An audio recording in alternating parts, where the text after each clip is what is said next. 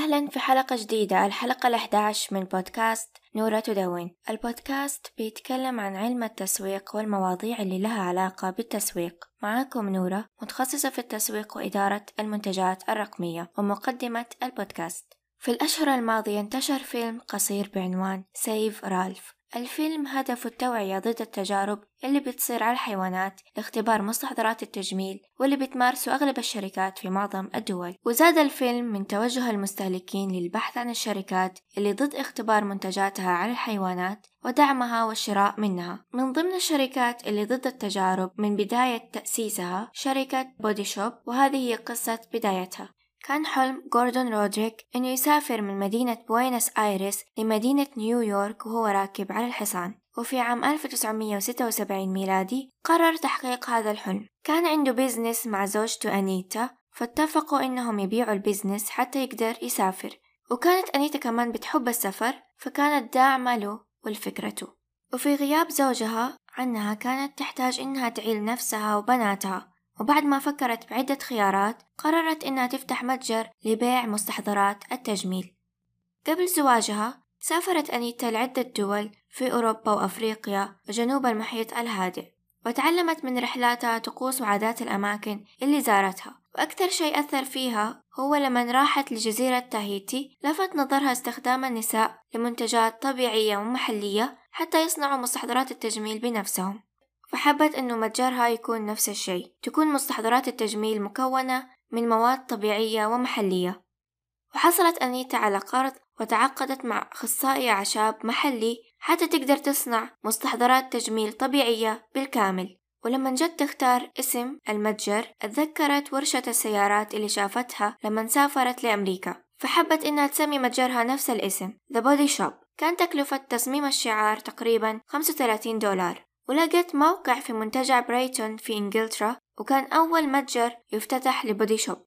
لكن في نفس موقع Body Shop كان في متاجر خاصة بالتجارة بالمقابر وشافوا إنه اسم متجر مستحضرات التجميل Body Shop ممكن يأثر على تجارتهم بشكل سلبي. وصلت لأنيتا رسائل من محامين أصحاب تجارة المقابر ولكن أنيتا كانت متمسكة باسم The Body Shop وما حبت إنها تتخلى عنه أو تغيره. فاتصلت على الصحف المحلية حتى ينشروا قصتها وقصة متجر Body Shop. وكان هذا الشيء مثل الدعاية المجانية خصوصا قرب افتتاح متجر Body Shop بشكل رسمي. في يوم السبت 27 مارس 1976 ميلادي تم افتتاح متجر The Body Shop لأول مرة. وكان من مبادئ أنيتا إنها ما تصرف فلوسها على الإعلانات وكانت تستغل كل الفرص للترويج للمتجر بشكل مجاني. وكانت بتعمل خصم للعملاء اللي بيرجعوا ويعبوا علب المستحضرات حتى تبيعها لهم ثاني. هذا الشيء ساعدها في تقليل تكاليف الإنتاج وساعد في انتشار المتجر.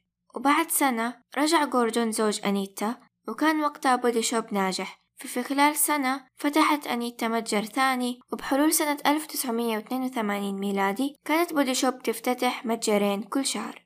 وظهرت المئات من امتيازات بودي شوب في كل أنحاء أوروبا وأمريكا. وبحلول نهاية عام 1992 وصل عدد متاجر بودي شوب لأكثر من 700 متجر وأرباحها تجاوزت ال 200 مليون دولار. من أبرز نشاطات Body Shop هي دعمها للقضايا البيئية والاجتماعية واهتمامها الكبير بحظر التجارب على الحيوانات. وهذا أدى لدعاية مجانية لها وقدرت إنها تتميز عن باقي المنافسين وتحصل على عملاء يهتموا كمان ويدعموا هذه القضايا.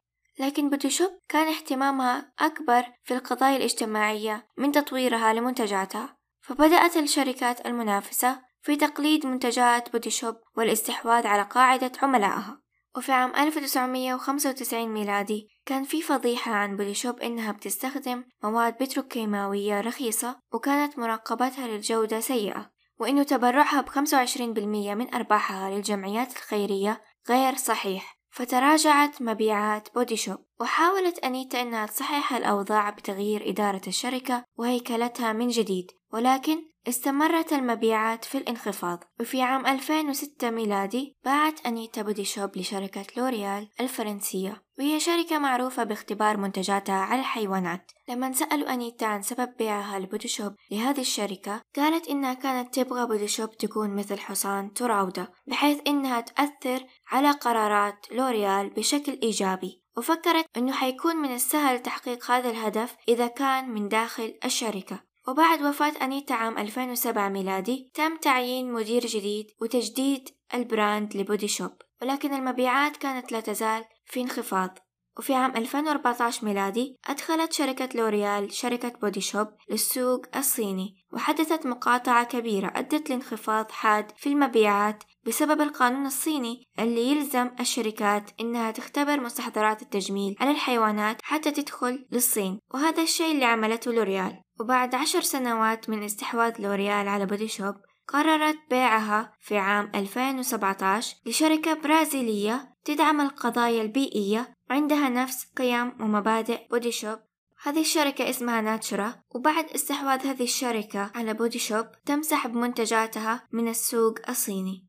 وفي الختام فيلم رالف القصير أثر في سلوك المستهلكين وخلاهم أكثر وعي بأن الحيوانات غلط إنها تتعذب باسم الجمال. ومن قصة بودي شوب نستفيد ثلاثة دروس. أول شيء إنه نستفيد من العلاقات العامة ورواية القصص. هذه طريقة مجانية للإعلان. ثاني درس هو الأعمال الخيرية ودعم القضايا المهمة للعملاء. هذا الشيء بيخلي العميل يشعر بالرضا لأنه اشترى من مكان له نفس مبادئه وقيمه. ثالث درس هو تطوير المنتجات وتحليل المنافسين باستمرار لأنه حتى لو كنت الأول والرائد في مجالك مثل بودي شوب حيكون في مقلدين. ممكن يعملوا شيء أفضل. لا تنسوا تعملوا لايك واشتراك بالقناة.